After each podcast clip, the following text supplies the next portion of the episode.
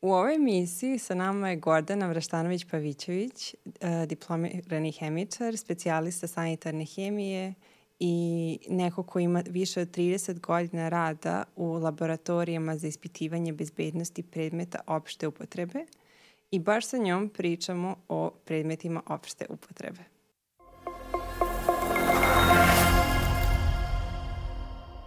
Kada pričamo o predmetima opšte upotrebe, o čemu zapravo pričamo?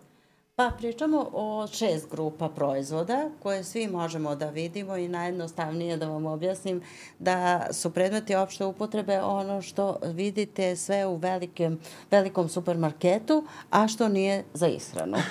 Tako da predmeti opšte upotrebe su u stvari e, svi materijali i predmeti koji dolaze u kontakt sa hranom, znači posuđe, pribor za jelo, posuđe za pripremanje jela, ambalaža i svi drugi, da kažem, materijali koje su predviđeni i namenjeni za kontakt sa hranom, zatim igračke, kozmetički proizvodi, materijali i predmeti koji dolaze u kontakt sa kožom i sluzokožom, deterđenti i sva sredstva za pranje i e, održavanje higijene i duvan i duvanske prerađevine. A kako se oni u principu definišu i na osnovu čega se kontrolišu pre nego što se stavljaju u promet? Pa, svi predmeti opšte upotrebe koje sam nabrojala prema ovim grupacijama su definisani u zakonu o zdravstvenoj ispravnosti, odnosno zakonu o predmetima opšte upotrebe. Najnovija verzija je iz 2019. godine i dopunjena 2022. I taj zakon definiše e, šta su u stvari grupe predmeta opšte upotrebe i prosto malo da pojasnimo. E, materijali i predmeti za kontakt sa hranom, to, kako sam već i rekla, jesu svi predmeti koji su namenjeni, predviđeni da se koriste za kontakt sa hranom. Znači, za pripremanje u, u domaćinstvima, za ambalažiranje i u domaćinstvima i u industrijskim postrojenjima proizvodnje hrane, zatim materijali za kontakt sa hranom i u našim domaćinstvima i u proizvodnim pogonima koji se bave proizvodnjom hrane i sve ono što kažem što mi koristimo tokom pripremanja i posluživanja i čuvanja hrane i u našim domaćinstvima. Dečije igračke su predmeti koji su namenjeni prevashodno za igru dece i to se misli na osobe, de, smatraju se decom osobe do 14 godina. E, kozmetički proizvodi su proizvodi koji pre svega služe za negu ulepšavanje e, lica i tela, održavanje kože u dobrom stanju, čišćenje, parfemisanje i dekorisanje delova tela. E, tu ne spadaju proizvodi koji menjaju funkciju neku fiziološku na koži ili kosi noktima, nego samo oni koji služe za ovu namenu koju sam prethodno rekla i to je definicija ovaj, u zakonu o predmetima opšte upotrebe. Zatim imamo grupu materijala i predmeta za kontakt sa kožom. To su svi oni predmeti koji dolaze u kontakt sa kožom, ali nemaju svrhu da ispuštaju nešto i da e, kroz kožu se to absorbuje ili ostane na koži. To su pre svega, možemo pomenuti vrste e, kao što su pelene, higijenski ulošci, e, nakit, bižuterija, E, I tu postoje dve grupe. Jedne koje narušavaju integritet kože i druga grupa koja ne narušava integritet kože. I evo, one koje ne narušavaju su, evo, ovi pomenuti proizvodi e, pelene, ulošci, nakit, bižuterija, pa čak možda bi se i obuhvatili tekstilni predmeti. A e, predmeti koji narušavaju integritet kože su pre svega nakit kao što je piercing, e, minđuše i sve ono što prodire kroz kožu i tako ostaje, pa čak i boje za trajnu šminku i tetovašu. To ne spada u kozmetičke proizvode, to, to su materijali koji e, dolaze u kontakt sa kožom i sluzokožom i narušavaju njen integritet. Da, nikad ne mi napalo na pamet da su to zapravo isto predmeti opšte upotrebe, iako ima smisla. jeste, jeste. Ove, ovaj, I evo, peta grupa su deterđenti i sredstva za pranje i osveživači prostorija. Sve su to e, ujedno i hemikalije i one su regulisane i zakonom o hemikalijama i ovim zakonom o predmetima opšte upotrebe i podzakonskim aktom e, pravilnikom o zdravstvenoj ispravnosti predmeta opšte upotrebe koji se mogu stavljati u promet I poslednja grupa su duvan i duvanske prerađevine i sredstva za inhalaciju koje ovaj, se koriste trenutno možda više nego što treba. Koji su štetni, to svi znamo, ne moramo da detaljišemo. Da. Goco, vi imate preko 30 ra e, godina iskustva rada u laboratorijama, pa me zanima da li možete nam objasnite da li ono postoje laboratorije na nacionalnom nivou ili se to nekako ispituje na nivou proizvođača ili industrije? Kako funkcioniše testiranje ovih proizvoda? I kako? Evo ovako, ovaj, ja sam ujedno i član uh, grupe pri Ministarstvu radne, uh, Ministarstvu zdravlja za davanje ovlašćenja laboratorijima da bi se uopšte bavili ispitivanjem i ocenom zdravstvene ispravnosti ovih predmeta opšte upotrebe i hrane. I e, postoje u Srbiji e, laboratorije čiji je osnivač Republika Srbija. I e, to su uglavnom zavodi za javno zdravlje, ali postoje laboratorije za ispitivanje ovih proizvoda i na Vojno-medicinskoj akademiji, postoji Jugo Inspekt, postoje još neke ustanove koje manje ili više ovaj, rade ispitivanje i ocenu zdravstvene ispravnosti ovih predmeta opšte upotrebe. Ali e, u poslednjih 15 godina su se pojavile laboratorije koje su u vlasništvu pravnog ili fizičkog lica, znači nije vlasništvo zdravstvena ustanova i one moraju da ispunjavaju sve uslove kao i laboratorije koje su čiji osnivač Republika Srbija ili prethodno čak i Jugoslavija. Uh, Tako da e, ne postoji razlika za davanje ovlašćenja i kada one počnu da funkcionišu i da rade, e, mogu da ispituju e, predmete opšte upotrebe i službene kontrole i od strane proizvođača koji im dostavljaju na ispitivanje. Znači, svi ovi predmeti opšte upotrebe predstavljanje na tržište moraju biti ispitani i samo oni koji su na osnovu rezultata ispitivanja i poređenja sa zakonskom regulativom ispunili te norme mogu se stavljati na tržište. Znači, I mogu se naći na tržištu. Sve što je u ovlašćenim prodavnicama bi trebalo da bude u redu. Mislim, Jeste, trebalo znači bi da... samo se na tržište stavljaju ispravni proizvodi, oni koji se pokažu da ne ispunjavaju zahteve e, ovih zakonskih propisa ili bivaju vraćeni u, u proizvođaču ili se moraju uništiti. Ali e, druga, e, druga deo koji se na našem tržištu nalazi, ovih predmeta opšte upotrebe, su proizvodi iz uvoza. Za njih je zadužena sanitarna inspekcija, granična sanitarna inspekcija i ona uzorkuje te proizvode, dostavlja ovlašćenim i akreditovanim laboratorijama na ispitivanje.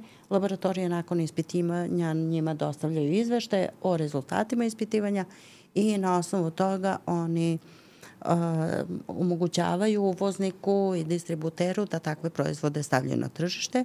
Ukoliko se neki proizvod pokaže kao neispravan, uvoznik ima mogućnost da traži super analizu, to je znači drugostepena analiza i samo ako se pokaže u, ovaj, na super analizi da je ispravan, stavlja se na tržište, ukoliko nije ispravan, mora se takav ovaj, proizvod, kažem, ili uništiti ili vratiti uvozniku, proizvođaču u zemlju odakle je uveženo ili izvršiti izvoz negde drugde gde je možda to moguće prodati. Ovo je super što smo pomenuli, zato što čini mi se da postoji puno uh, online kupovine koja je, meni se bar čini neregulisana, u smislu možda svako može da prodaje nešto što, tako da je najbolje da nešto što možda nije ispitano, najbolje uvek kupovati proizvode opšte upotrebe sa uh, predmeta opšte upotrebe sa deklaracijom u nekim ovlašćenim prodavnicama, ili ok i online naravno, samo da ima deklaraciju. Pa online trgovina jeste novitet. Da. Za sve nas, pogotovo posle ove epidemije e, i uopšte sa razvojem tehnike, sada je to zaista zastupljen ovaj način kupovine, ali mislim da i kupci trebaju da znaju da mogu da traže od proizvođača i da je proizvođač obavezan da ima sertifikat uh, o ispitivanju, odnosno deklaraciju usaglašenosti za svaki proizvod. Uh mhm. -huh. Prosto možete i morate da budete sigurni da ono što kupujete online da je ispitano i da je bezbedno. I to je vaše pravo, a proizvođač je obavezan da ima uh, sertifikat o ispitivanju pre nego što ovaj, stavi takav proizvod na tržište. E, čak i online kupovina je sada dozvoljen način uh mhm. -huh. kupovine i uopšte trgovine, ali mislim da i kupci moraju biti edukovani da znaju da traže ukoliko na bilo koji način sumljaju na, na uh, kvalitet i odnosno bezbednost proizvoda, a oni svakako ne podležu trenutno uh, službenoj kontroli, osim u nekim slučajevima kada se uh, verovatno sumlja na ozbiljnu neispravnost ovaj, nekog proizvoda. Tako da kupci tražite ovaj, izveštaj o ispitivanju, pogotovo za kozmetičke proizvode. Da ne pominjemo sada nešto što nije predmet opšte upotrebe kao što su suplementi ili razna sredstva koja ovaj, se promovišu kao da mogu da izleče sve, uh mhm. -huh. ali i isto važi za kozmetičke proizvode i ostale proizvode. Zaista mislim da je potpuno uh, u pravu svako ko traži uh mhm. -huh potvrdu da je taj ispitan proizvod. Znači, bezbednost na prvo mesto.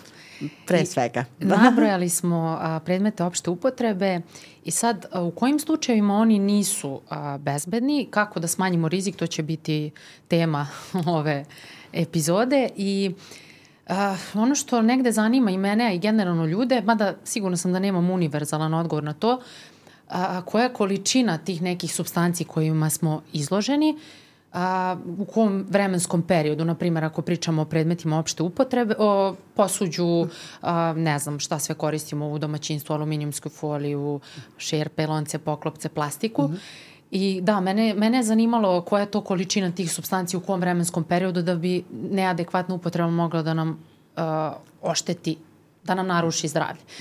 I ono što bih ja rekla da verovatno zavisi od raznih faktora kao što je tip predmeta, dužina, e, to jest stanje organizma i tako. Sad šta vi mislite? Pa, pa materijali i predmete za kontakt sa hranom se proizvode od različitih materijala. Tu imamo najviše zastupljenu plastiku, zatim papir i karton, pa metal, pa e, drvene predmete, ovaj, keramičke, staklene, e, silikonske, ovaj, od silikona, od gume, zaista je širok dijapazon različitih materijala i svaki od njih se ispituje na različit način i ima različite e, vrednosti e, maksimalno dozvoljene količine za određene elemente i jedinjenja koji predstavljaju potencijalni rizik i uopšte mogu da se sadrže u tim materijalima pa mogu da migriraju u hranu.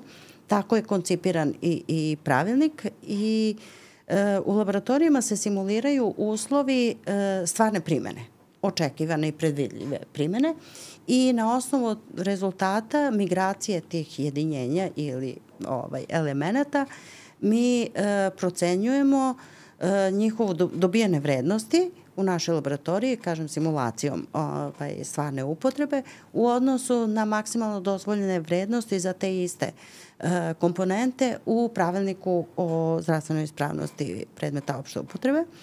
I e, te e, vrednosti maksimalno dozvoljenih količina za neko kažem, jedinjenje ili metal ili druge elemente, su projektovani tako da svi mi tokom, tokom svog života uh, možemo da unosimo približno takve vrednosti tokom celog svog života i da se ne pojave znaci bolesti. Jednostavno istraživanjem e, toksičnih doza i e, populacije koje bi koristila sve to su takve vrednosti projektovane i spuštene na taj nivo da e, ne mogu oštetiti naše zdravlje, uključujući decu i trudnice. Znači, čak ako nešto e, iz nekog posuđa ili pribora za jelo migrira nešto e, ispod nivoa MDK, e, te maksimalno dozvoljene vrednosti, to ne znači da smo mi ugroženi što se tiče zdravlja. Znači, ne postoji potpuno inertan materijal.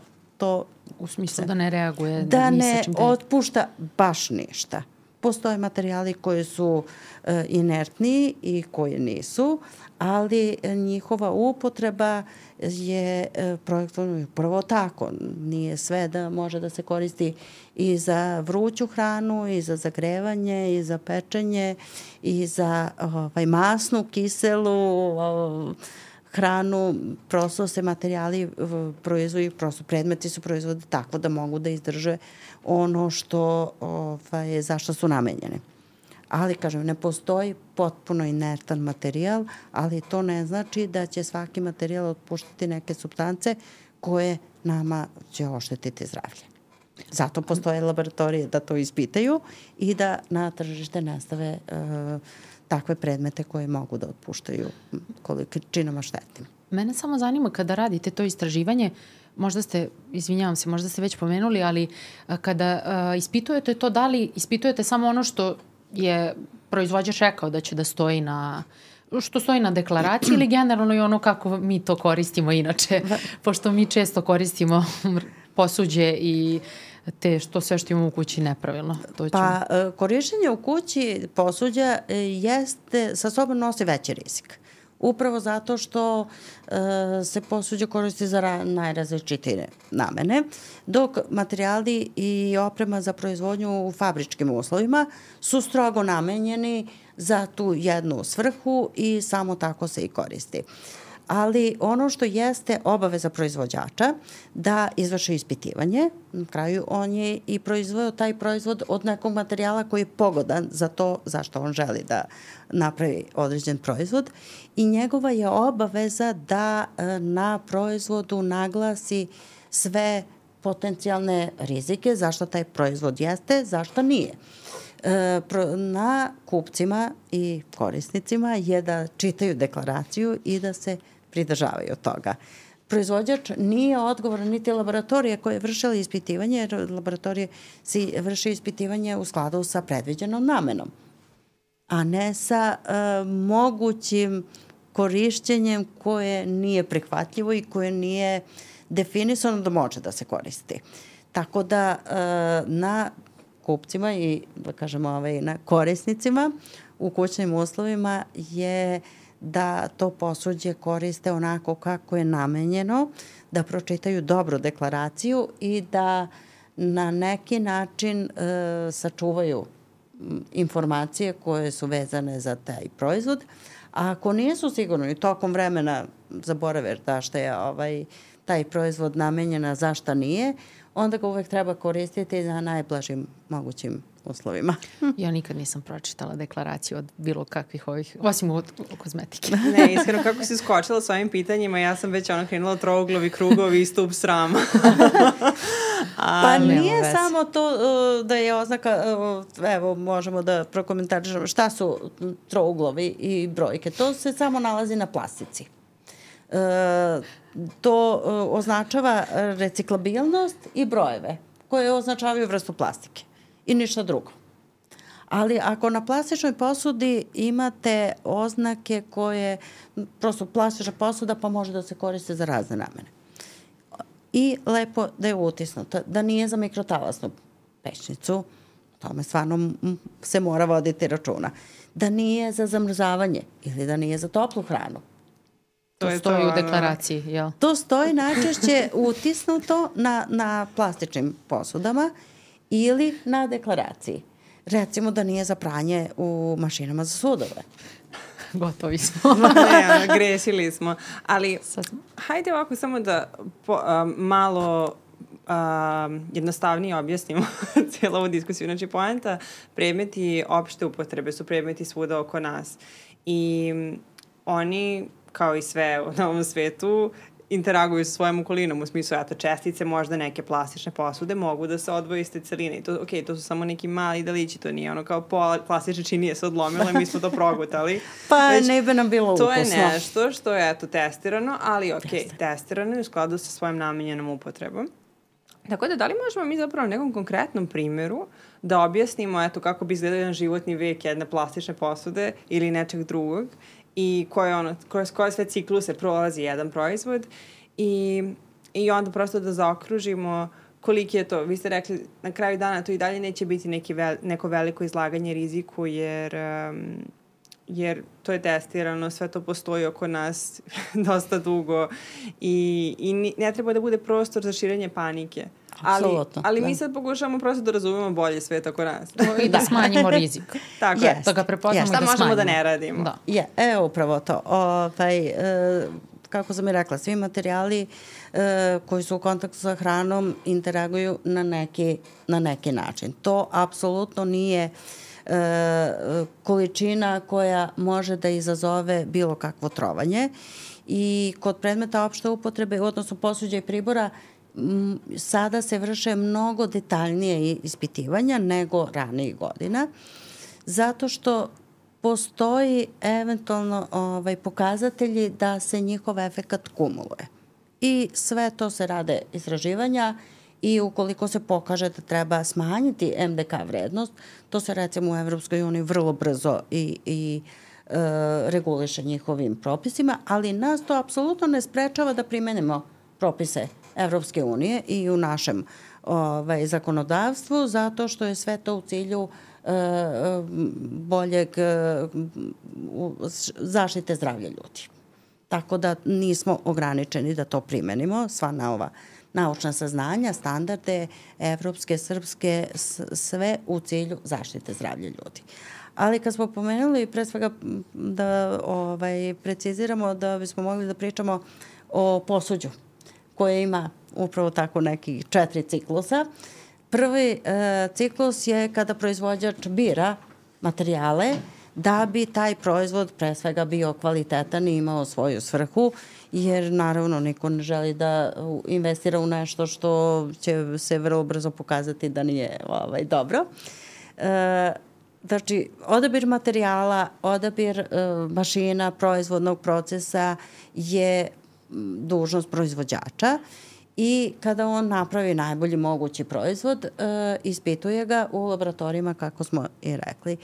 I to je ta druga faza kada se on podvrg, podvrgava ispitivanju i nakon rezultata ispitivanja e, se stavlja na tržište ukoliko je zadovoljio sve to ovaj, što je zakonom propisano. Onda se on nađe na tržištu, odnosno u, u prodavnicama, potrošač kupi E, sada korišćenje u kućnim uslovima Pandorina zaista... kutija se otvara. pa mislim da i nije to toliko Šalim Pandorana kutija, ali da se malo priča o tome i uopšte šta, kakve su naše navike i naše, da kažem, naši stavovi prema posuđu.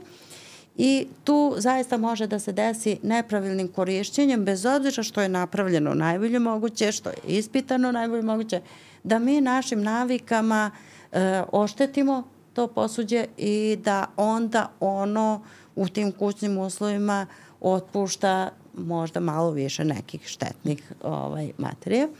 I na kraju, evo, svi znamo, posuđe se e, nađe na otpadu tek kad se razbije. I zagori maksimalno. Tek kad stvarno ne može da se koristi, ono kao, kad zima baš neprijatno. Da. Od kad smo počeli da, da se spremamo za ovu epizodu, razmišljam kako možemo da zamenim tiganj.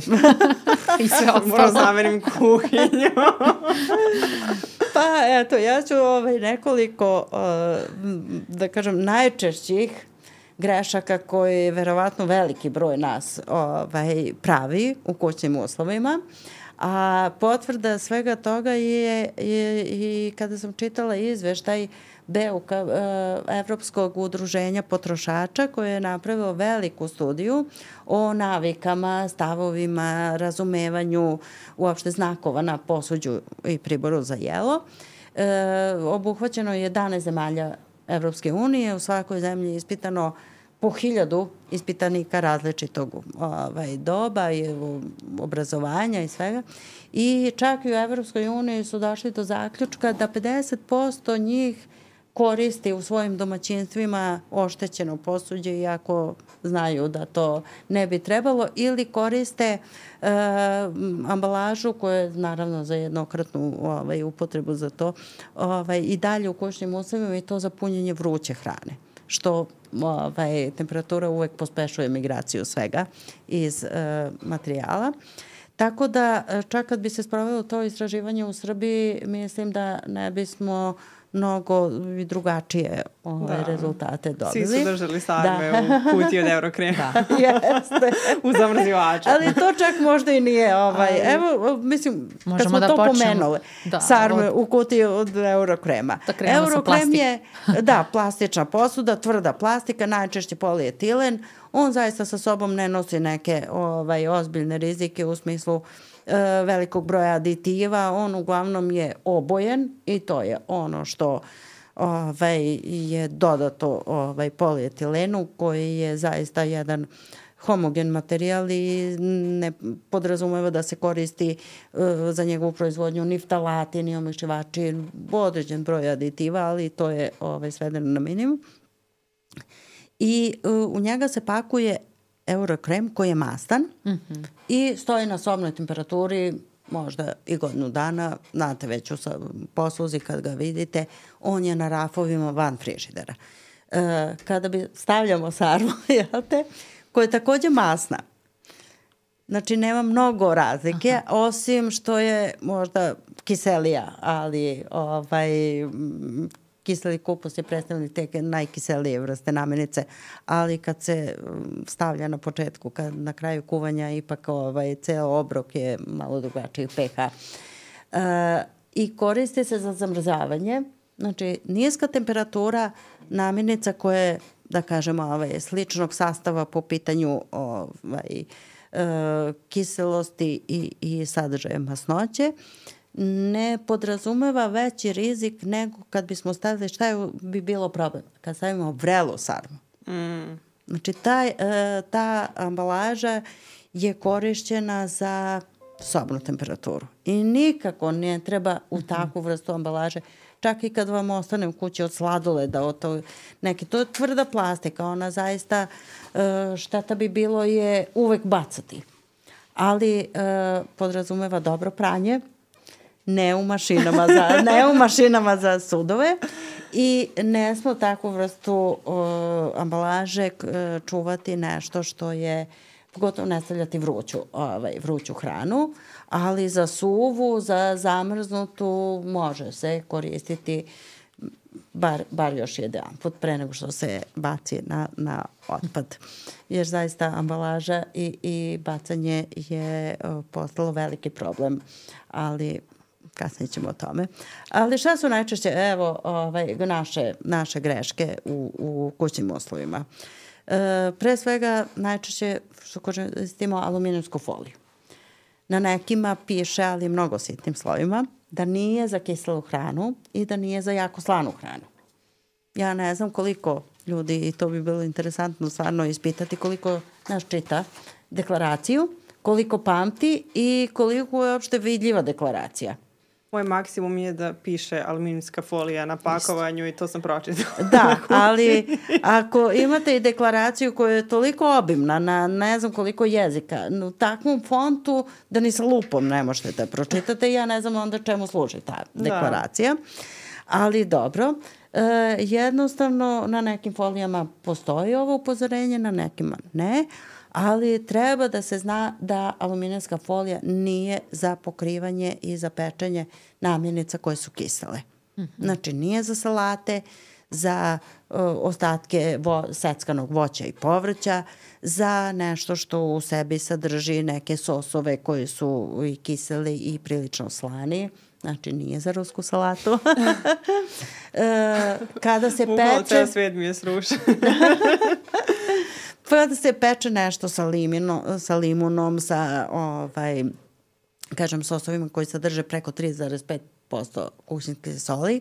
E, prosto aluminijanska folija e, može da otpusti pre svega ione aluminijuma u tu našu hranu i postoje e, informacije i, i ispitivanja koje su pokazala da više od 10 puta se povećava sadržaj aluminijuma u hrani ukoliko se ona neadekvatno koristi. I mislim da to treba promovisati prosto da ljudi znaju da sami sebi ne ugroze zdravlje, bez obzira što je ta, kažem, folija ispitana i puštena u promet kao dobra, da ona nije za svakog upotrebu. čak, čak sam je... ja pročitala i da visoka temperatura generalno sama od sebe utiče, ali dobro, ajde sad nećemo da rušimo sve baš. Ne, toliko zaista može ovaj, da se koristi, ali kažem ne za jako slanu hranu mm -hmm. i mhm, za ovaj, i, i za kiselu hranu i o tome treba stvarno voditi računa. E, druga stvar je kada biramo pri kupovini keramičke šolje, keramičke tanjire, emajlirano posuđe i tako. E, keramičke šolje su sada stvarno postale popularne toliko da se na njima štampa sve i svašta. Što su šarenije, to su prodavanije.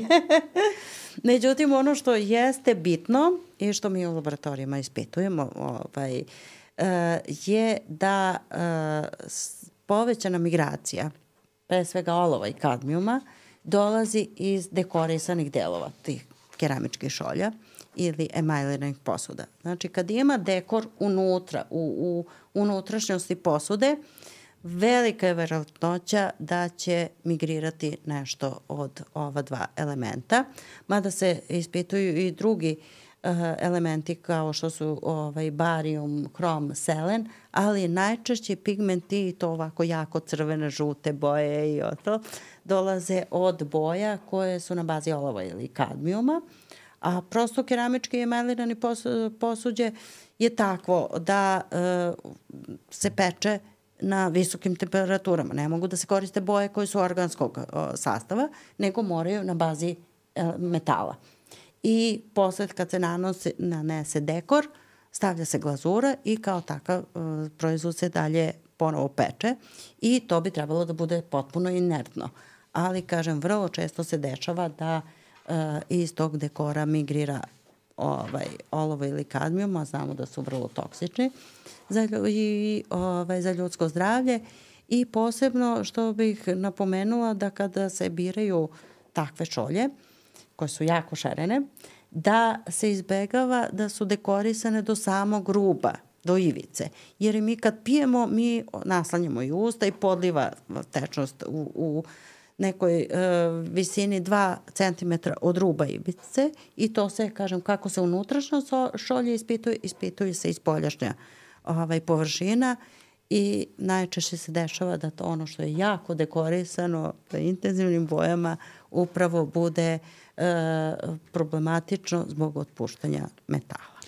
Ja bih da li sam... postoji nešto što pospešuje uh, oslobađanje takvih ono, substanci iz toga? Naprimjer, ako se pije vruća tečnost ili ako se pere u sud mašini ili tako?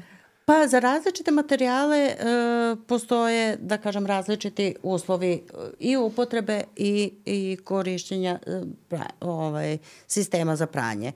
E, plastika najčešće e, podrazumeva, tvrda plastika i posuđe podrazumeva da se či, pere u mašinama za sudove i to je isto taj visoka temperatura i prilično agresivna sredstva za pranje.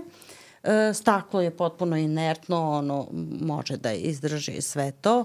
Keramika takođe, ali ako primetite da vam se keramičke čolje ili tanjiri menjaju nakon pranja, to znači da nije, nije, nije taj dekor dovoljno dobro ovaj, uh, urađen i da to polako se ovaj, otpušta, pa sad kako prilikom pranja, tako će se otpuštati i prilikom punjenja hranom i migriranje ovaj, u, u, u ovaj, samu hranu, a tako mi i pojedemo. To, ne? Različite, kažem, materijali uh, e, mogu da se koriste za različite ovaj, namene i ne bi mogli da, da, da baš onako univerzalno kažemo da nešto. Ali svakako povećana temperatura, kiselost hrane e, su dobri parametri koji u stvari pospešuju migraciju svega.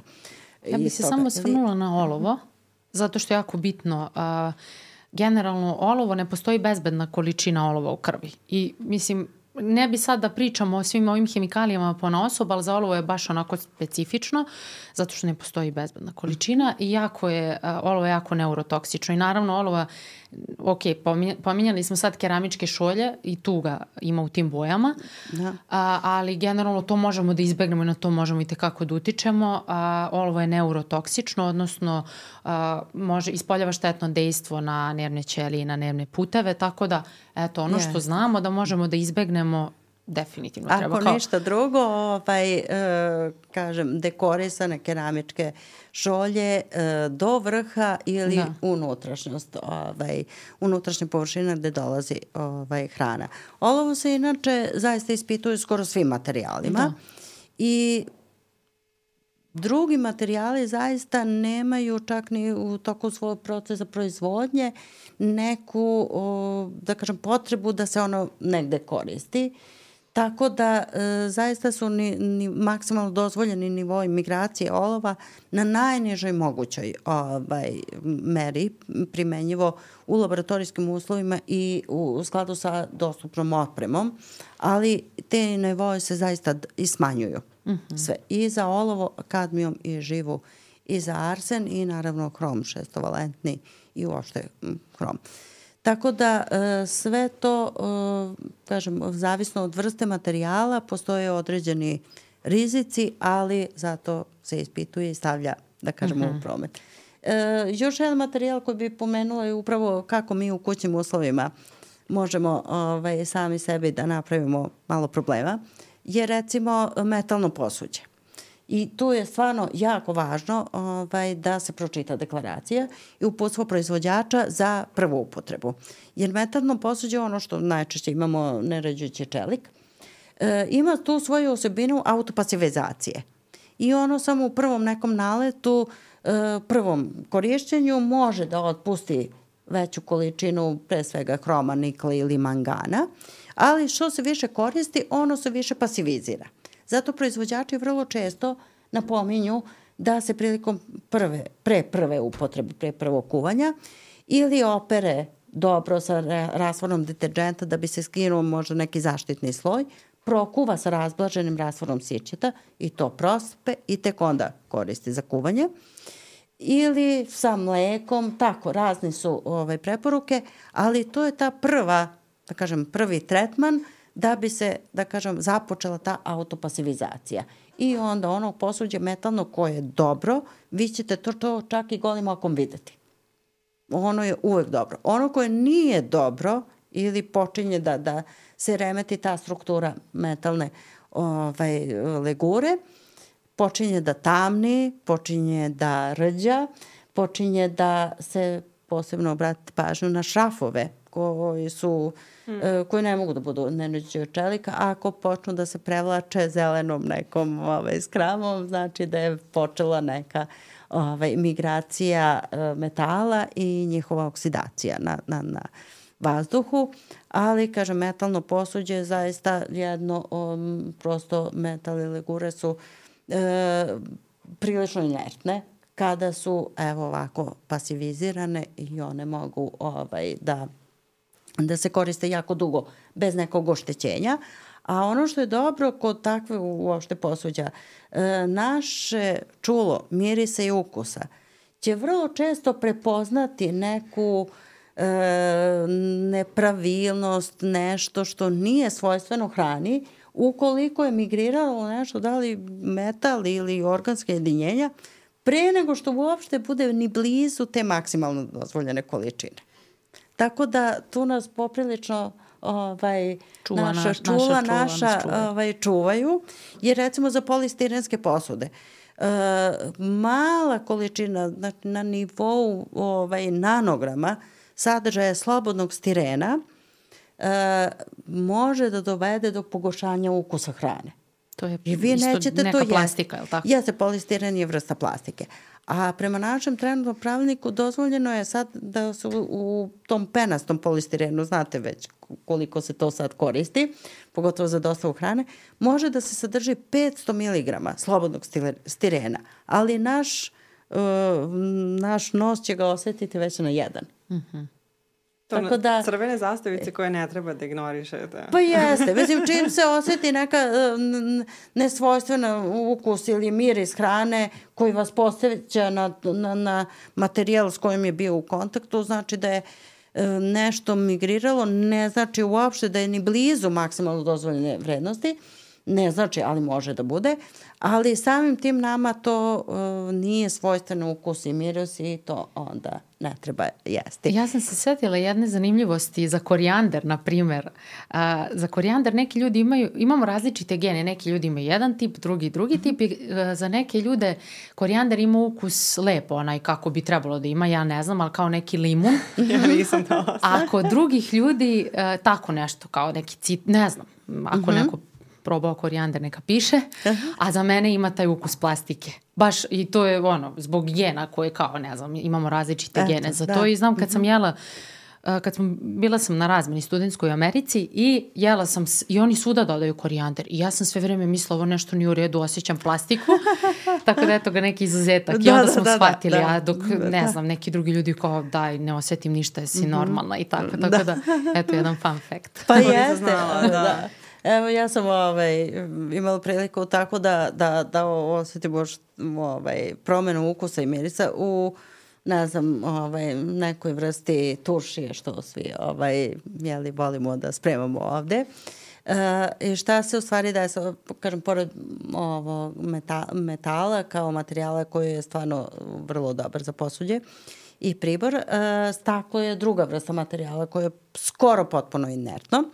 Ali mi koristimo staklen, po, staklenog posuđa koje ovaj, služi za pripremanje hrane, za posluživanje ovaj, čaše, posude, vatrostalne, sve to. Ovaj, stvarno je vrlo, vrlo inertan materijal. Koristimo u kućnim uslovima i staklene tegle, ali staklene tegle uvek imaju moraju da imaju neki zatvarač ako stavljate ovaj, zimnicu ili bilo šta drugo.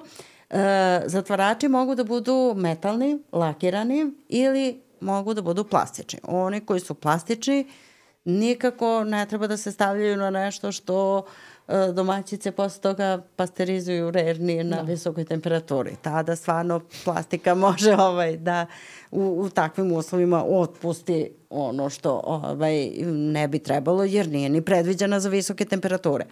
Metalni poklopci to mogu da izraže i, i takve su. Međutim, uvek lakirane površine, lakirane limenke, lakirani poklopci mogu da otpuste bisfenol A. I to ovaj, u nekim količinama, pogotovo ako nije dobro ispečen lak. Mm -hmm. Ali sada su trendovi svuda u, i u Evropi i u ostalim zemljama, obzirom da je bisfenol A zaista potvrđen endokrini ometač. Uh, on se polako izbacuje uopšte iz procesa proizvodnje. Tako da to, taj proces traje, ali sve manje smo ovaj, izloženi. Ali šta, kad imamo teglu sa metalnim poklopcem koji je korišćen jedan put, dva put ili tri put i već počinje da biva izgreban i na njemu mogu da se javljaju one ljuspice da počne korozija. Uh, upravo to sam htela da kako sam ovaj, probala ne znam da su bili kiseli krastavčići, koji su zaista imali ukus metala. Mm. I u stvari šta se da. desilo? Na, na poklopac je potpuno bio oljušten od ovaj, zaštitnog laka, počela je korozija, pogotovo to dugo stajanje, kisela namirnica je idealan uslov za migraciju gvožđa. Gvožđa nije toliko štetno, ali zaista je pokvarilo ukus. Da. A pomenuli ste bisfenola i a, sada on se nalazi u plastici, je li tako? E, samo je... u jednoj vrsti plastike se obično ovaj, nalazi i to je polikarbonatna plastika koja se nekad koristila za proizvodnju plastičnih bočica za bebe, za mhm. hranjenje bebe. I onda je utvrđeno da ta vrsta plastike, upravo tako vruće punjenje, e, sterilisanje ove, ili pranje na visokim temperaturama, ponovo punjenje, e, stalno to izlaganje visokim m, temperaturama e, dovodi do blage razgradnje polikarbonata i do sve većeg i većeg otpuštanja bisfenola. Mm -hmm. Zato je uopšte proizvodnja e, bočica za bebe od polikarbonata zabranjena. Da, i te, piše na tim um, omotima, to jest na tim proizvodima piše BPA free, e sad, to mi je nekako i zamka. Pa, znate kako, ako, Ako ne na postoji nekim... bisfenol A, ili postoji neki drugi možda, pa kao onda mogu da ubace to i šta smo uradili, ništa. Pa evo ovako, ovaj, zaista se neki put ta oznaka BPA free koristi u reklamne svrhe. Pa to. Znači, ako se koristi na uh, deklaraciji materijala koji ne e, u svom procesu proizvodnja apsolutno nema potrebu da se u njemu nađe bisfenola ni na koji način, onda je to reklamna ovaj, zamka. Ako je proizvedeno od materijala koji zaista može da sadrži i da kasnije otpusti bisfenola, pa je on zamenjen nekim drugim jedinjenjem, onda je to okej. Okay ali kažem samo polikarbonati i lakovi za uh, limenke i premazi uh, uopšte mogu da sadrže ovaj, i uopšte u procesu njih proizvodnje se koriste bisfenola. I ukoliko nije dobro završena polimerizacija, on može da migrira. Ukoliko je to sve dobro odrađeno, zaista su minimalne uh, mogućnosti da on migrira.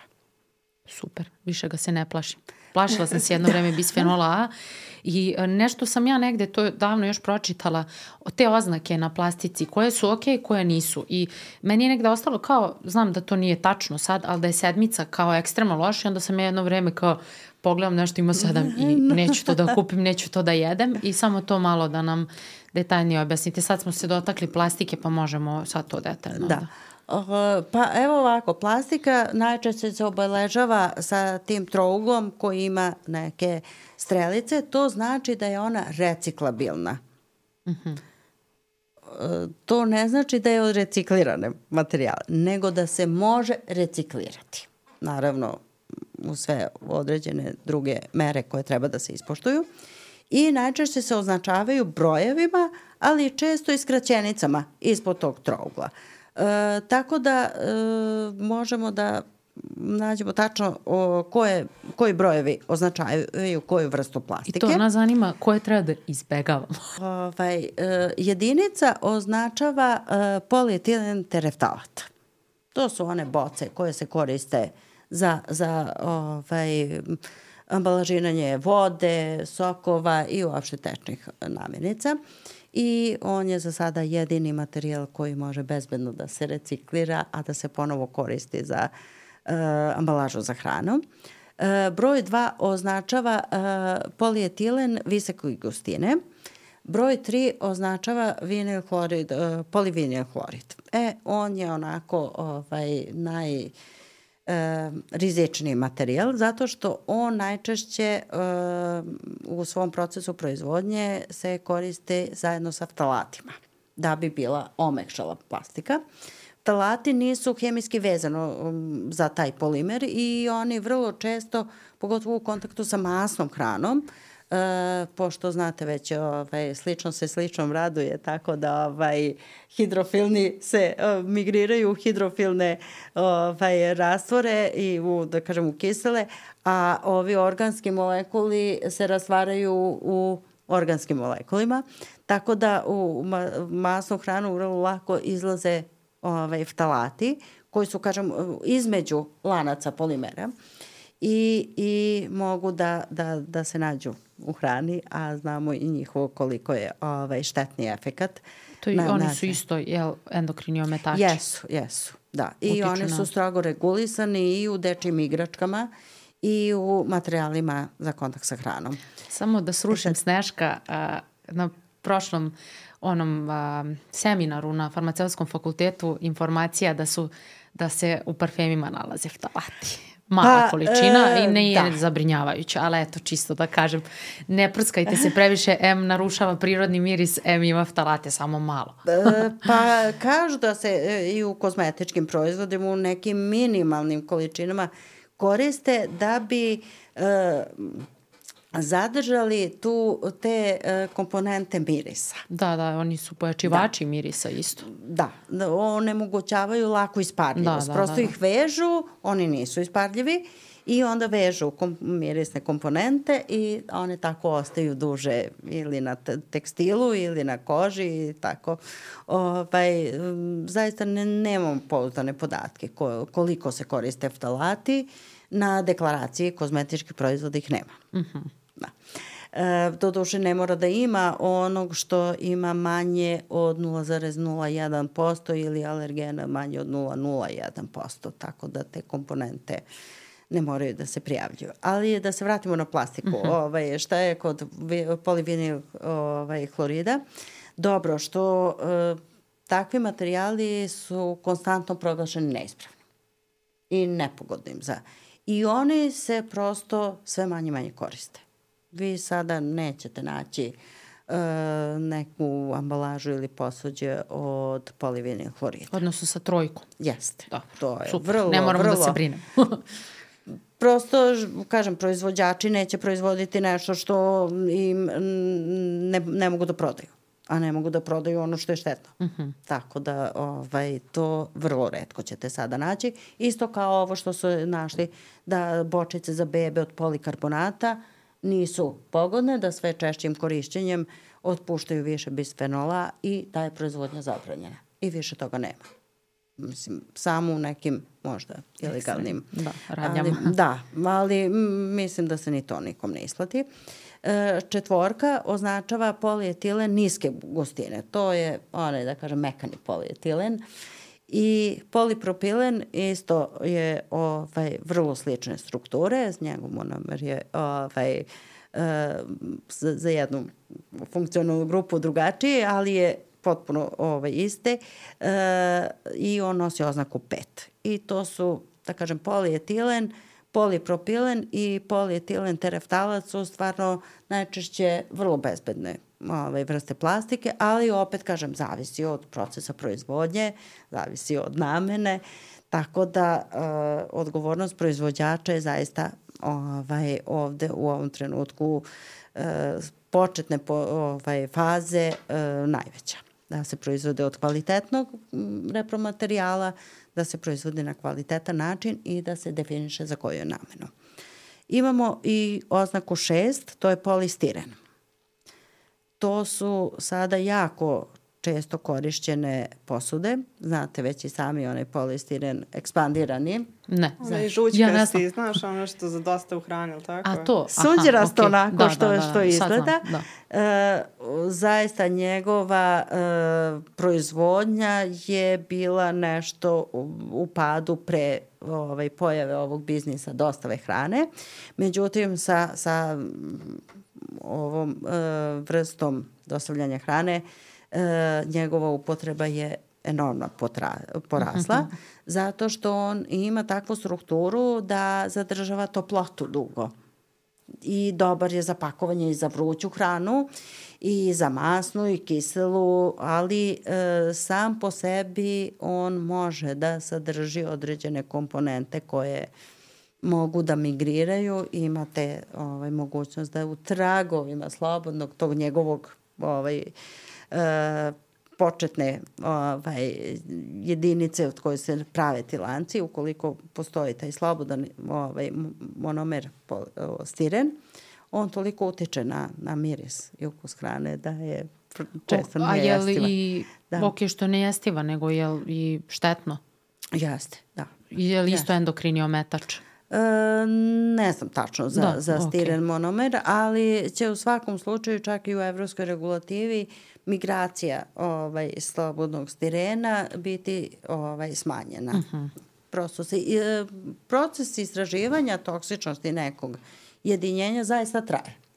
To u ovaj, Evropskoj uniji radi e, Evropska agencija za bezbednost hrane.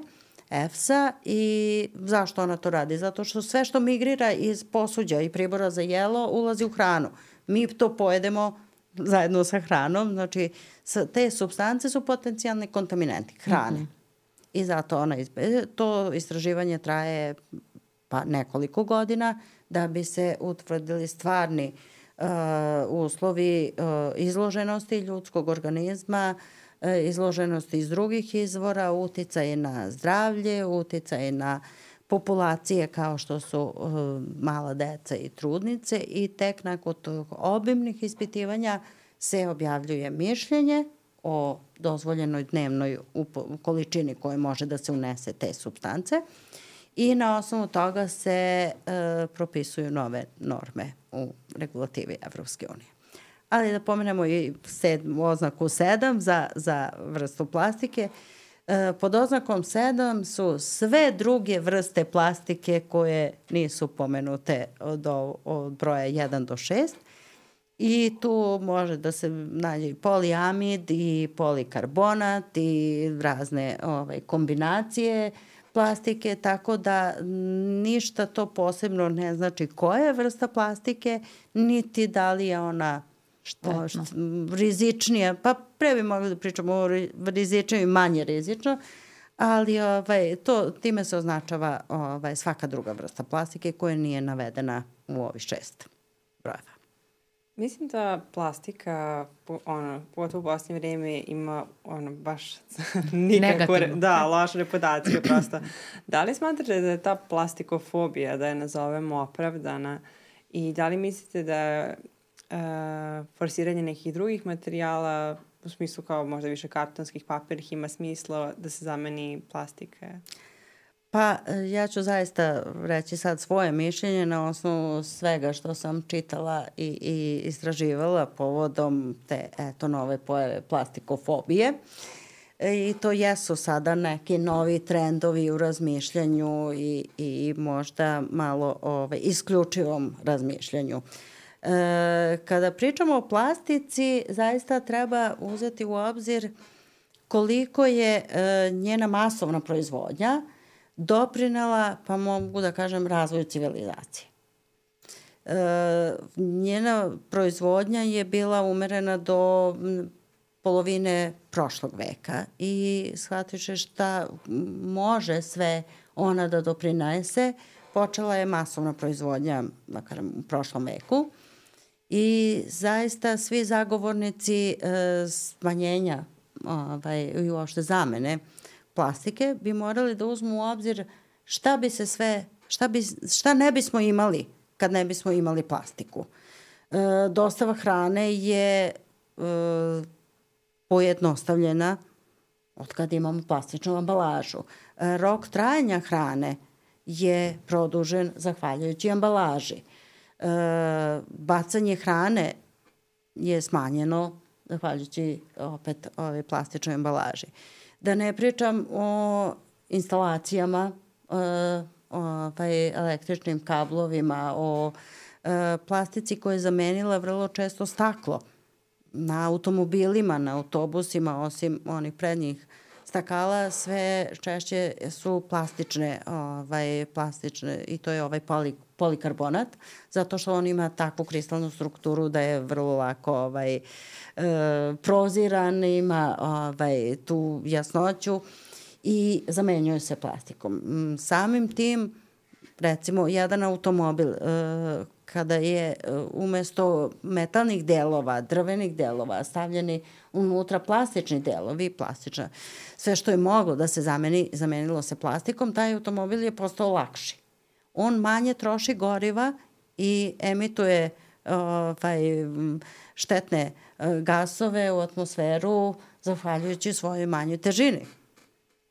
Drugo, plastična uh, ambalaža ima najmanju moguću, uh, najmanju težinu od svake druge vrste ambalaže. Tako da njena proizvodnja uh, ne zahteva veliku količinu energije i e, kada se transportuje, kada se e, odlaže čak i na otpad, ona ima na, mnogo manji maseni udeo i procenat nego svaka druga ambalaža. Ako uzmemo u obzir da, evo primer, um, ono što možemo posle to i kasnije da razmotrimo, e, plastične slamčice koje su toliko inkriminisane. Da. da. Dobro. E, se sve češće zamenjuju papirnim. E, plastična slamčica je teška oko 2 grama, papirna je teška oko 20 grama. Ukoliko nemamo sortiranje otpada i plastična ambala, slamčica će doći na otpad i papirna.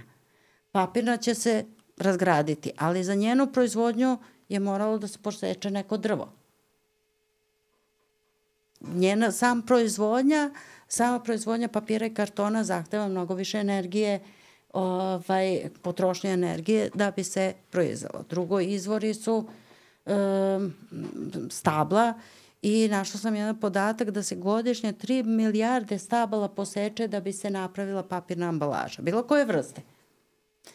Tako da mislim da ta zamena i, i zaista koliko god se trudili neki aktivisti da se plastika zameni papir, papirnom, ovaj, papirnim materijalom e, ili nekim drugim materijalom, zaista plastika još uvek nije našla alternativu koja je i ekološki e, isplativija nego što je to sada ovaj, ova proizvodnje. Ali ono što jeste problem, zašto se plastika a, sada stavlja na taj stup srama, e, pri tome e, još jedan podatak koji sam skoro pročitala, da se na globalnom nivou najviše otpada u masi e, generiše od građevinskog materijala. Znači nešto na bazi mineralnih ovaj, komponenti.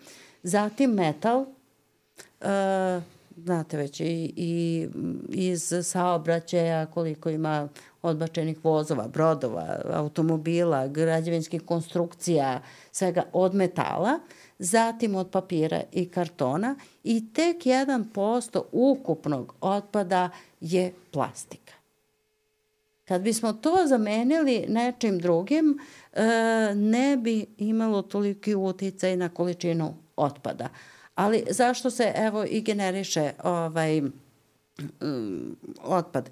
E, recikliranje e, metalnog materijala za, iziskuje veliku količinu energije. Oni se, recimo limenke, se pretapaju i one zaista mogu beskonačni put da, da se ovaj, recikliraju, zato što, bez obzira što je ona lakirana, što ima boje, što je to, one se pretapaju na temperaturama preko 800 stepeni. I to sve sagori. Ali obezbediti u topionicama 800 stepeni je velika količina energije i velika količina emisije određenih gasova. Staklo, isto tako, staklo je zaista najinertniji materijal za kontakt sa hranom, ali njegova proizvodnja zahteva još veću količinu energije. E, u težinskom odnosu u otpadu najveću težinu ima staklo, pa onda limenke, ovaj, pa onda papir, najmanju ovaj, plastika. U smislu e, transporta, ipak se, kad se nešto transportuje, koristi neka energija. Najveću energiju koriste te teže vrste ambalaže, a plastika je najlakša i ona zahteva najmanju, mm -hmm. ovaj, najmanju utrošak goriva i svega toga. Drugo, ambalaža kad se pretapa, kad se pravi nešto, ona se proizvodi na temperaturom od 100 i nešto stepeni. U suštini plastika nije toliko loša. Ja imam milion potpitanja, ali... da, ali vratit ću se samo možda na, na ove, zašto ovaj, na plastične slamčice. Ja sam samo zaključila da ne moramo da ih koristimo kao da nema potrebe ni jedne ni druge. To mi je zaključak. U Evropskoj uniji je donešena uh, regulativa o zabrani uh, jednokratne plastike. Pre svega zato što su uvideli da se na obalskom delu, delu gde su plaže nalazi mnogo količina otpada od slamčica, tih posudica za, za konzumiranje hrane za jednokratnu, eto kažemo, ovaj, upotrebu. E, ne znam, šapići za uši, polistirenske posudice upravo ovako za, za, za ovaj, to je niti ambalaža, niti posuđe. Prosto kad vam posluže nešto, to je u kratkom roku, m, mm, da kažem, pojedete to i bacite. E, ali št, zašto je ovaj, plastika toliko okrivljena? Zato što su nađeni e, u, u morima, u, eka, u, okena, u okeanima i na koralima i e, na životinjama, da kažem, pričvršćene neki delovi tih plastičnih ovaj, predmeta. Ali plastika nema svest da ona skoči u more. Upravo. Niti da se nađe na plaži. to uh, je uradio uh, sasvim svesno biće kao što je čovek. Upravo. Tako da sva ta povika oko jednokratne plastike mislim da treba da bude adresirana na navike i na edukaciju.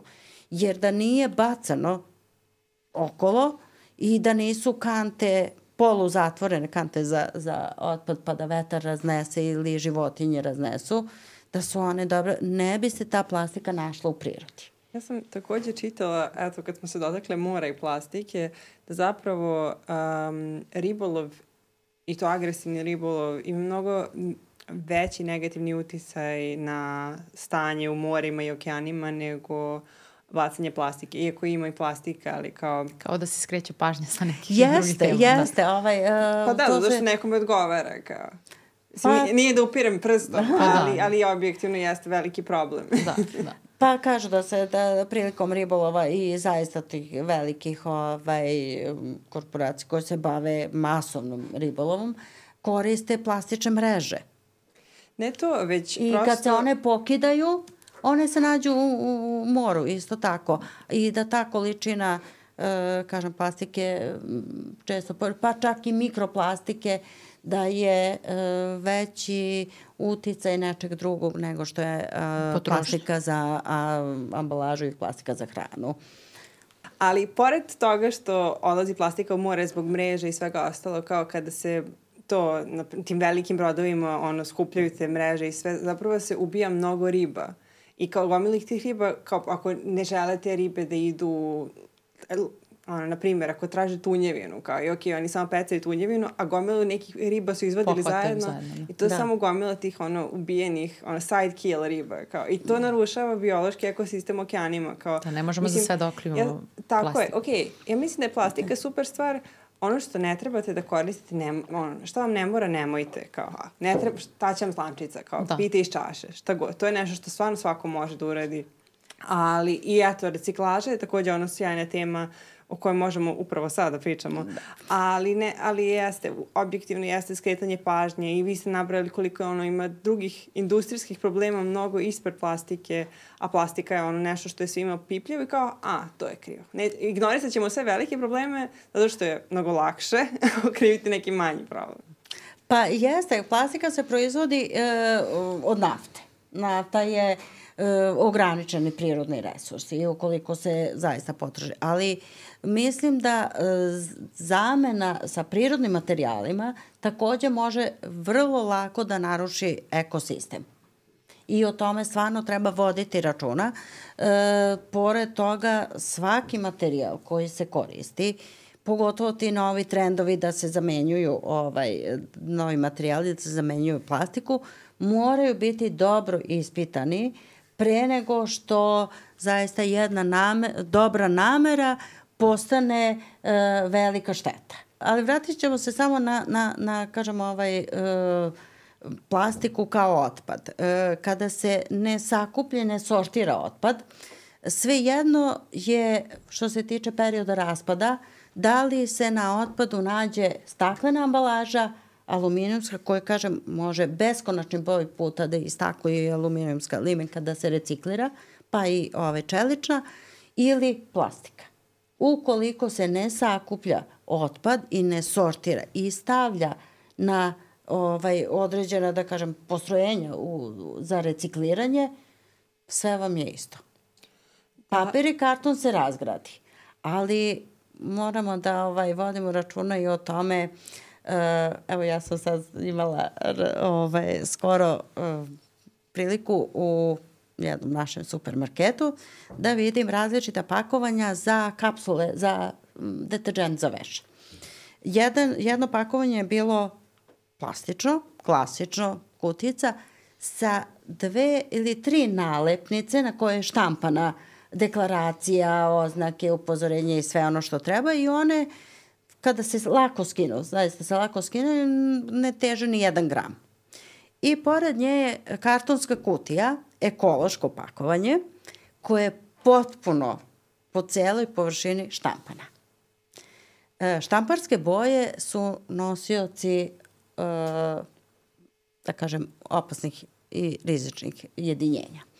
E, ako uzmete plastičnu kutiju sa koje skinete etiketu koje je male težine, vi imate malu količinu nekog otpasnog, opasnog otpada. Kartonska kutija koja je potpuno odštampana, kada se nađe čak i na deponiji, ona će se razgraditi, ali boje će migrirati kroz procedne vode, kroz zemljište i negde će se naći.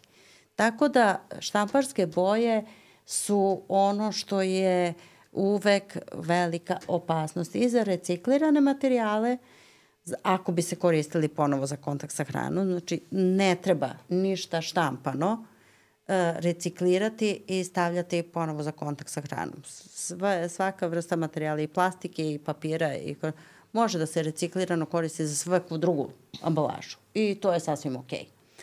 Ali postoji grupa proizvoda kao što su hrana, hrana za životinje, kozmetički proizvodi, farmaceutski proizvodi, lekovi, medicinska sredstva, čija ambalaža zaista pre svega mora da bude e, bezbedna i da ne otpušta ništa u, u, u ovaj proizvod koji je upakovan u nju, pre, znači pre svega da bude bezbedna, a tek posle ekološki prihvatljiva i sa tim udelom recikliranog materijala kako su ovaj, zadali e, na osnovu zelene agende da se e, u svakoj ambalaži nađe određen procenat recikliranog materijala i tokom godina to treba da se povećava da bi se smanjio otpad. Ali, kažem, ovo su vrste pakovanja o kojima zaista treba mnogo voditi računa i e, istraživanja su relativno sveža i zaista se pokazuje na osnovu njih da e,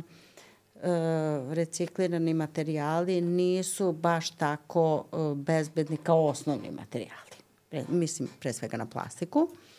E, polietilen e, tereftalat, odnosno PET, za sada je jedini odobren materijal da može da se reciklira, ali on može nekoliko puta ovaj, svaki ponovljeni postupak recikliranja e, dovodi do pojave nekih novih jedinjenja koje nisu postojala na početku, koje mogu biti štetna po zdravlje ljudi i e, određen broj ciklusa recikliranja zaista je ograničavajući čak i za PET. Polietilen, koliko god je široko ovaj, korišćen, to je naj, najčešće plastika koja se koristi, ima sposobnost da uvuče iz hrane masnoće. I onda, znate, kad čak neki put kad nije dobro ove, strukture, pa koristimo za neku hranu, kad ostavi, ostavimo posle nekog da, vremena... Da, se dobro opere, izgleda da, kao da je masno. jeste, jeste. I čak ima taj miris. To je da. zato što prosto uđu ovaj, molekuli e, masnoće iz hrane ili proteina u, u, u, u strukturu polimera. I zbog toga je e, polietilen e, još uvek e, nedovoljno dobro istraženi, odnosno razrađeni procesi recikliranja da bi oni bili bezbedni kao reciklirani materijal. E, polistiren se sad, da kažem, istražuje. Svi, svi da kažem, e, proizvođači ambalaže teže ka tome da ispune te zahteve za određeno udeo ovaj, recikliranog materijala, ali je proces ispitivanja, kažem, dugotrajan i mora se obezbediti da to bude ovaj, da to bude bezbedno, a do tada zaista mislim da treba menjati navike ljudi, kao što kažemo, slamčice je ok koristiti za, uh, kod nekoga ko ima problem sa gutanjem. Ali stvarno ne znam zašto u svim kafićima uvek dobijete slamčicu. Dve. ne jednu, nego dve. A pogotovo sada kada, ja stvarno mislim da to nije ni dovoljno ispitano, kada dobijete slamčicu koja je od papira i još je crne boje. Zanimljivo. Da. Crna boja na papiru zaista mora da bude jako dobro ispitana da bi bila bezbedna. Mislim da tu nešto prolazi, što da. bi rekla, ispod radara. Izbjegavaću. Jeste. Nije nam neophodno. Ja imam da. jedno abstraktno pitanje, a to je kako funkcioniše recikliranje u Srbiji? Pa, recikliranje... uh, Mislim, prvo vi ako ne da želite, pa... da ono, možda izvojite pitanje. Ovaj, uh, evo sad ću ovaj, da, da probam da odgovorim. Uh, pre recikliranja mora da se uspostavi sistem e, sakupljanja otpada.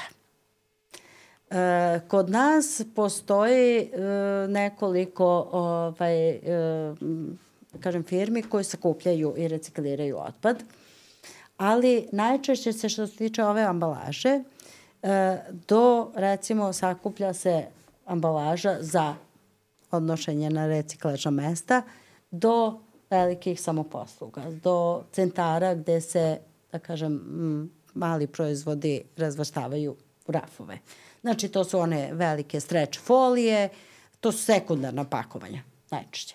E, stretch folije, papirna kartonska ambalaža, palete i to nije bilo u kontaktu sa hranom.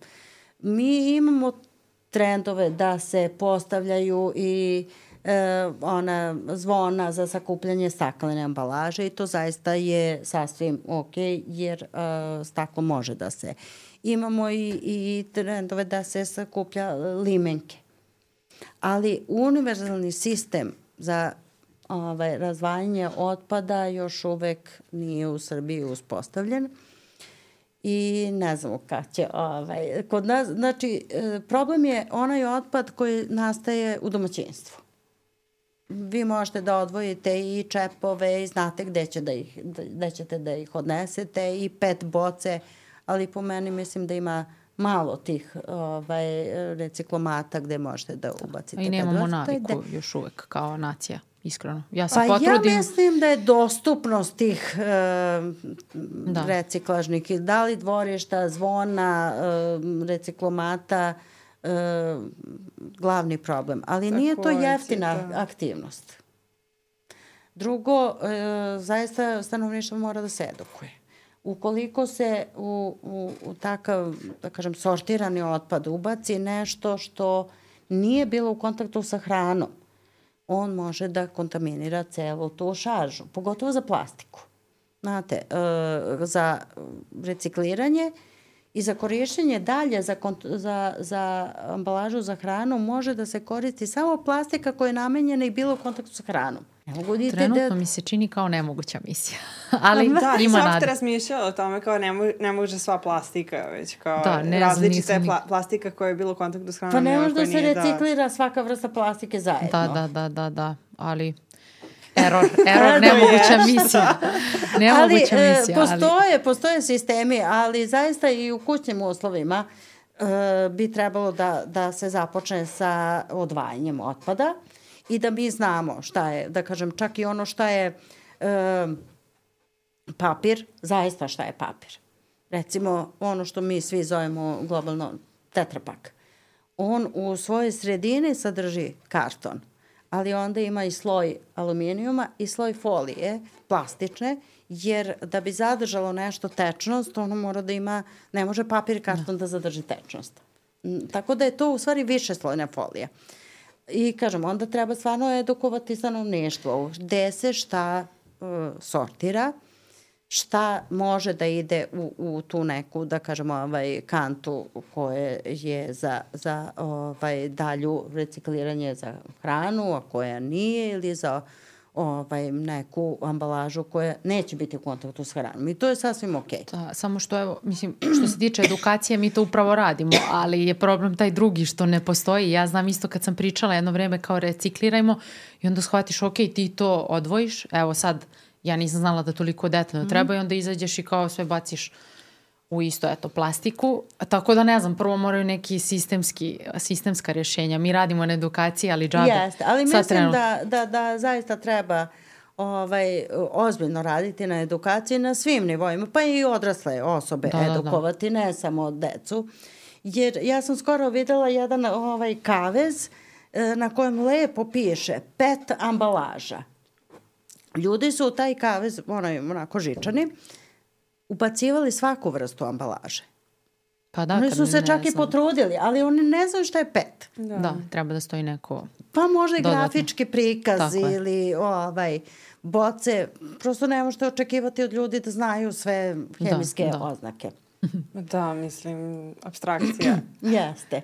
Ali mislim da su to procesi koji će trajati i sigurno će se naći neko rešenje, ali kažem naša ovaj, svest o tome je početak, ali, kažem, zanimljivo mi je, evo kažem, grana privrede koja ovaj, je nastala u posljednjih, ajde kažem, deseta godina i koja se razvija sve više i više, to je dostava hrane. Ona zaista generiše enormnu količinu otpada. I to je, različite su vrste ambalaže koje se tu koriste. Pre svega polistiren, imate obično sokove ili napitke vodu u toj plastičnoj boci, imate, ne znam, pomfrit u kartonskoj kutiji ili recimo pizza vrela koja se stavlja u kartonsku kutiju. Pogotovo je to ovaj, rizično ako kartonska kutija na, na gornjoj strani ima štampane oznake. I sad se poklopi to ovaj, vrelo, ono potpari uh mhm. -huh. ovaj, kroz, kroz papire, papire karton nema barijeru za propustljivost vlage. I onda vrlo često potpari tu gornju površinu i mogu da se spuste te, da kažem, štamparske boje čak unutra. Tako da mislim da to nije u, u stvari prihvatljivo, ali kažem... Često ima i dosta folije tu. A... Pa svega da. ima. Znači u dostavi hrane imate svaku vrstu ambalaže i ona ima svoj vek trajanja sat vremena. Sad, ponovo možemo da se vratimo na ove cikluse. Znači, proizvođač prove, e, napravi, uveze se, ispita se, koristi se sat vremena i ode na otpad. Ali, kada pričamo o edukaciji, e, mladi ljudi su e, vrlo svesni ekoloških problema i vrlo često zastupaju neke trendove koje ne obuhvataju uh, ove širu sliku, i ove širu probleme. sliku i mlađe generacije su generatori ovog biznisa dostave hrane. Da. Pogotovo kod nas, nećete... Pa svuda je to u svetu, da se ne lažemo. Mislim, I to je za a... mene jedan paradoks. Osvešćivanje o ekološkim problemima, a kupovina da. svega što može online, a to onda do, uh, generiše veću količinu da. Ali to otpada. je prosto, to je te jedno prelepo, prelepo svojstvo ljudske rase, da mi, ono što, šta želimo, s čim želimo se suočimo, ok, s tim se suočavamo, a šta želimo da opravdamo ili ignorišemo, najmanji problem da ubedimo sebe, da kao, to je problem za sutra. što se tiče dostave hrane, kao ništa, da se koncentrišemo na to da što više pravimo sami, što bi italijani rekli fato in casa, da se domaće sve pravi. Da, Šalim se, da. to je nemoguće. Živimo brzo, ali generalno da, da se vratimo i da naučimo da, to jest, da se vratimo tom nekom o, to je neko naše osnovne potrebi da lepo spremamo hranu, da uživamo, a ne da živimo tako brzim životom, ako je to ikako moguće. Mislim, lako je to sad reći. Ja verujem da kupuju da, da, velika većina da kupuje zato što ne može drugačije. Tako je, da zato što se brzo živi. Ali opet plastika omogućuje to. Evo ja, ja spremam da. sama, ali tigan mi je zagoreo, tako da tigan mi je e, uništen, tako da svako, sve ima svoje. E, vratit ćemo se možda na te navike naše da, u, ovaj, da. u kući. E, teflonske tiganje, pa čak i emajlirani posude, zaista kada se izgrebe da. površina. Da velika, evo kažem i u naslovu istraživanja u Evropskoj uniji 50% i dalje koristi to. O, okrnjene šolje ili ne znam šta. To više nije površina koja je bezbedna. Da. I to zaista treba izbegavati. Znači svako mehaničko uh, oštećenje, kada uzmete da ribate jako ovaj, temeljno, ukoliko se čak površina vidno promeni, to zaista više nije za korišćenje mi smo svi osetljivi kada ovaj, nam kažu da ne smemo da ribamo žičanom onom e, službicom, sunđerom, da. e, teflonizirane plehove ili ne znam, i, ovaj, teflonske tiganje. Ali e, ne smemo da ribamo ni tako mehanički ni emelirano posuđe. I tu Meni je može to sve da isto. se da. Ovaj, Meni je to sve isto, ja sve pogrešno radim. isto, ja da. nekako kako smo pokrenuli ovaj podcast, sve znaš, pogrešno radim. Ne znam da će uspjeti, ali u svakoj epizodi sam shvatila da živim život apsolutno pogrešno. Znači, sad svaku grešku sam napravila. Evo, to je ono što pričamo, ne treba, mislim, bolje da se živi malo opuštenije nego otići u te neke fobije. Pa ne, mislim, ništa mi ne fali mnogo, a... Osim što većina nas ima neki disbalans hormonski. ali, ali ne, mislim da prosto svako od nas ono živi najbolje moguće u okolnostima. Kao, mislim, ovo su predmeti opšte upotrebe, znači to je nešto što sve nas okružuje i to su glavne stvari koje nas okružuju ceo naš život, da nam ni ne pada na pamet da treba da preispitujemo bilo šta od toga. Yes. Kao, mi radimo stvari kao što smo videli da on, možda naša mama, roditelji, komšije rade tako, I to je to, to je svet u kom, u kom smo mi odrasli, to nama sve ima smisla.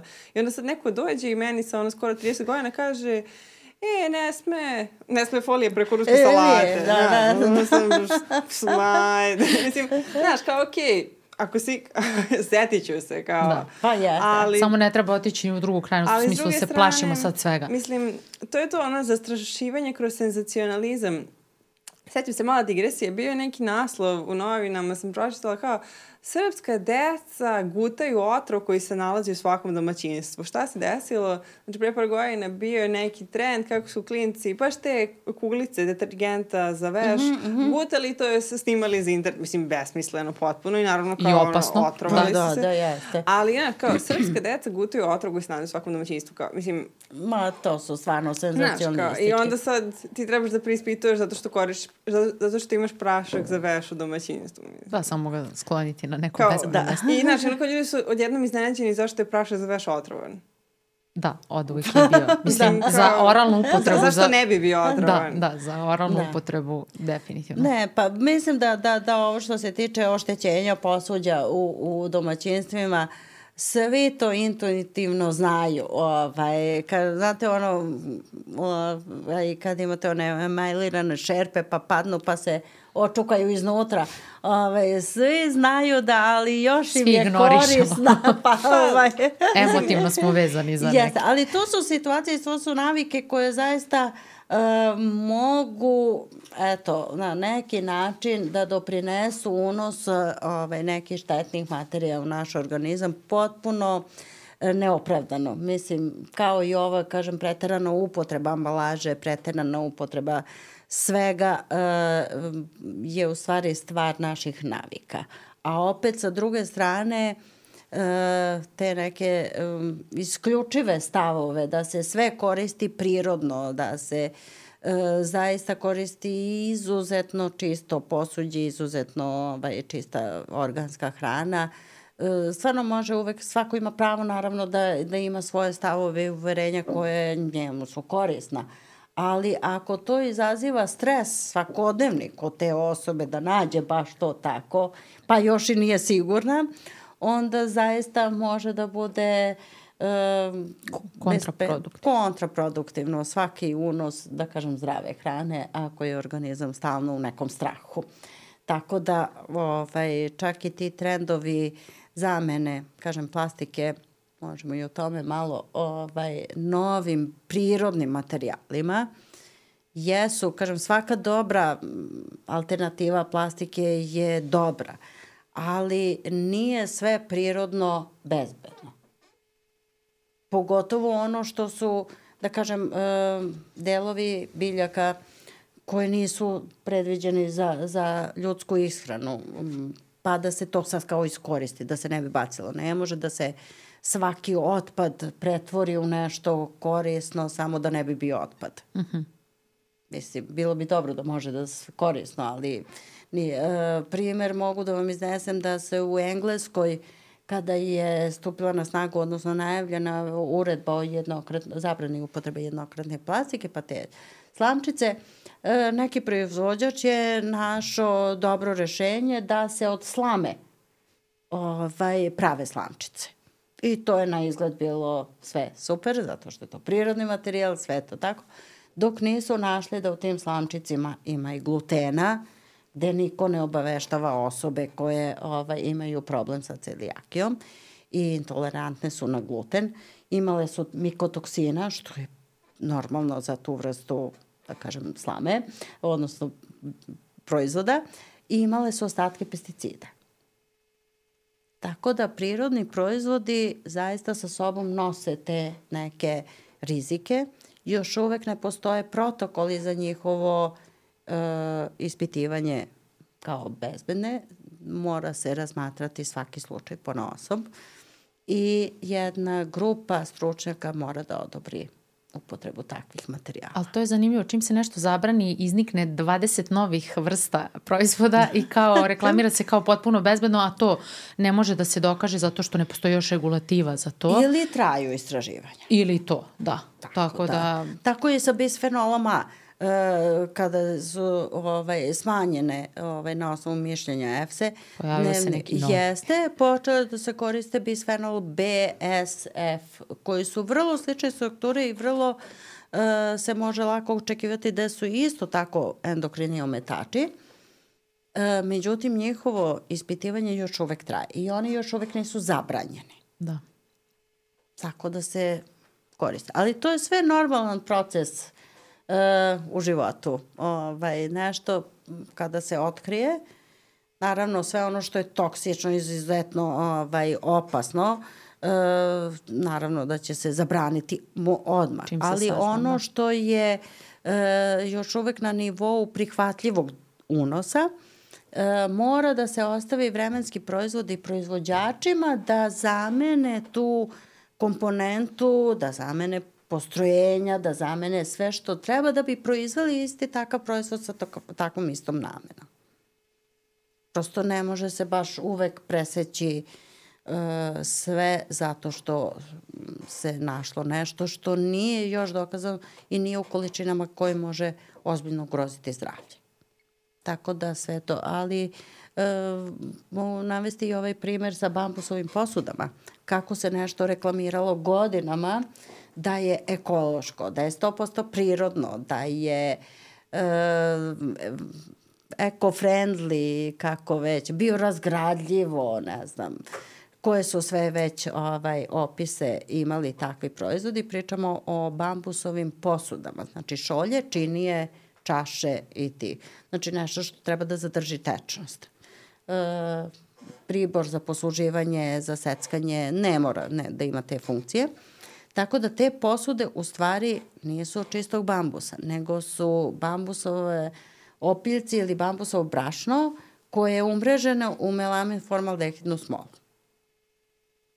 Sasvim slučajno su došli do, do, do e, da kažem, u velikim institutima i laboratorijama u Evropskoj uniji, da te posude što se više koriste za vruću, a često se stavljaju i kašice, što je najgore, to se koristi najčešće za bebe. Mm. Jer imaju tu neku lepu ovaj, e, mat boju, izgledaju prirodno i dete kad to slučajno ispusti i baci, neće se slomiti. Međutim, sve češćim korišćenjem to se, ta melamin formaldehidna smola se polako razgrađuje i sve više i više otpušta i formaldehid i melamin koji su takođe uh, e, rizični i u nekim količinama mogu ovaj, ozbiljno ugroziti zdravlje. Da, naročito pošto su to deca u pitanju, a isto formaldehid utiče i na nervni sistem, i a, osip može da izazove dermatitis. I alergijske reakcije. Da, a da. ovaj melamin utiče na bubrege, tako da, da, da. nema potrebe. I to što je najgore, ta da ista posuda... Da, pritom je skupo. da. ta ista posudica se koristi tri puta dnevno. Da, da. Na, često. Ili svaki vruće, dan, da, da to ovaj, vruće. Tako da su već godinama unazad u Evropskoj uniji e, da kažem, stavile svima upozorenje graničnim inspekcijama i pro, distributerima i e, prodavcima da takvo predmete posuđe od bambusa ne treba da se nađe u prodaji iz više razloga. Znači, prvo su e, oglašavaju se netačno. Niti su ekološki, niti su biorazgrađivi, niti su uh, bez plastike. Uh, potencijalno su opasni ovaj, po, po zdravlje konzumenta. Uh, bambusovi opiljci uh, uopšte nisu dozvoljeni aditiv za plastiku. Jer to je ipak plastični predmet, a ne prirodni no. od da. bambusa. E, zato što sami e, prirodni proizvodi sada su isključili i ostale e, delove drveta kao nedovoljno e, stabilne i, i bezbedne aditive za plastiku. Zato što e, i drvo kao i bambus, pre svega bambus je trava, nije ovaj nije drvo, a do sada su bili dozvoljeni e, drveni opiljci i, i brašno kao aditiv za plastiku, prosto ojačava. Međutim, i to, to su prirodni da kažem, materijali, oni mogu biti uh, tretirani pesticidima, pa mogu sadržavati rezidue, mogu biti izloženi šumskim požarima, pa da se u njima nađu poliklorovani, uh, odnosno policiklični aromatični ugljovodonici. Pa ako su ti požari gašeni velikom količinom one pene za, za gašenje požara, može se naći pifa sjedinjenja. Tako da sledljivost da svakog dobavljača za sve to je vrlo komplikovano, tako da su čak u Evropskoj uniji ovaj, doneli odluku da se ni drvo više ne koristi kao aditiv zato što ne mogu da proprate svakog proizvođača koliko je to ovaj, bezbedno tretiran ovaj, materijal. Ali eto, kažem, bambusove posude su primer kako se manipuliše ekološki osvešćenim osobama i onima koje misle i to je zaista uh, bila velika prevara ovaj, i u oglašavanju i u kvalitetu i bezbednosti. Međutim, nažalost, još uvek se mogu naći na tržištu pored svih upozorenja. A da, ništa što je tako ekstremno i što nešto se forsira, očigledno treba da izbegavamo i da pojednostavimo življenje pa naše. Pa jeste, što je, ali ovaj, jer, do nas je mnogo da, toga. Da, Jeste, ali šta da se radi kad smo izbombardovani sa informacijama? Evo ja danas sad baš razmišljam kao ok, uzet ću dve neke bolje činije, dve staklene, dve plastične i dve metalne i neću da razmišljam pa da. više, sve ću da pobacam i e, to je to. e, pa ne treba stvarno ovaj... pa ne, imam puno oštećenog posuđa, e, to, to sam zaključila. Jeste, to, da. ovaj, zaista, to oštećeno kažem, teflonski tiganji ne treba se koristiti. To, to prosto nema potrebe da se baš uh mhm. -huh. sami sebi ovaj, sami sebe izlažemo nekom riziku ako baš ne moramo. Da, da.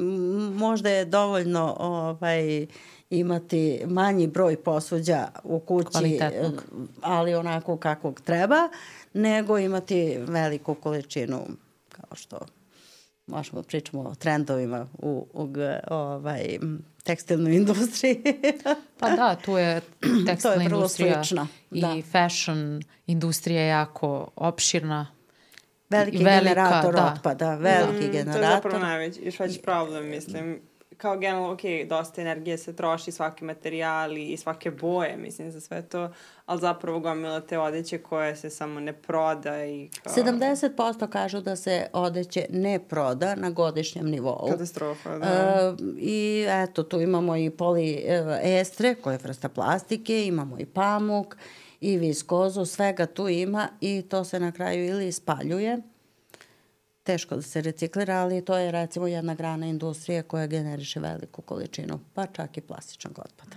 Da, ono što mi možemo da uradimo jeste da biramo kvalitetnije stvari koje ćemo više i češće da nosimo, mada nije do nas kao kad pogledaš, nismo mi krivi za toliki otpad, ali u suštini potrošači smo kao da se opiramo malo. Ono što mi se čini da je tokom pandemije zapravo došlo do izražaja to mali proizvođači su dobili platformu preko interneta i eto kao to su male lokalne proizvodnje gde se stvarno zapravo nisu toliko skupe kao, da. mislim i u ono običnim radnjama koje su ono kao velike te modne kompanije koje kreiraju svakakve stvari zapravo nije to mnogo skuplje kao možda su cijene čak ono slične ili, ili niže u nekim slučajima, zavisi šta se kupuje, tako da, pa, tako da ima opcija da, da se biraju to ono kao manje proizvodnje. Da. Ali manja proizvodnja, ovaj, kao i za sve, uh, proizvodnja u velikim količinama pojeftinjuje proizvod. Ali, ali nije, da. stvarno ima dosta lokalnih, evo, ono, moja druga strast da. pored mora je odeća. I, I stvarno ima ono ljudi u Srbiji koji eto prav, e, bave se proizvodnjom odeće da, samostalno. Da, I okej, okay, yes. neke stvari jesu skuplje, ali neke stvari stvarno nisu mnogo skupe. Mislim, košulja košta isto koliko će koštati i u nekoj ono komercijalnoj radnji u tržnom centru. Da, pritom da, ja kad kupim da. nešto Ali to znači da u, u komercijalnom ovaj, tržnom centru ta košta, košulja koja se e, masovno proizvodi na, na, na kažem, milione komada, je mnogo jeftinija. Pa da, ovde se plaćaju ne, ruke. Ne, jeste, na, ali da. će naplatiti, mislim, ja ću platiti isto, meni to ne menja. pa da, ali u suštini plaćamo i nečiji rad i trud i ja kad platim nešto tako, pogotovo ručni rad, ja to mnogo češće nosim, što Absolutno jeste poenta. Apsolutno ponosna sam na to. Kao. Da, i kao nema potrebe da svaki dan nosim, to je da svaki put kad se, ne znam, slikamo da nosimo novu odeću, to je kod nas toliko popularno, znaš, kao ne smeš da obučeš istu haljinu koju izlaziš, mislim, da, to, ali dobro, to je drugačija, da. to je sad pa, nova tema. Marketing je zaista posebna ovaj, grana o, o kojoj mi možda malo znamo, ali zaista ima uticaj na sve nas kao potrošače, da. pa i kao generatore otpada. Jeste, nekad sam kao ovca.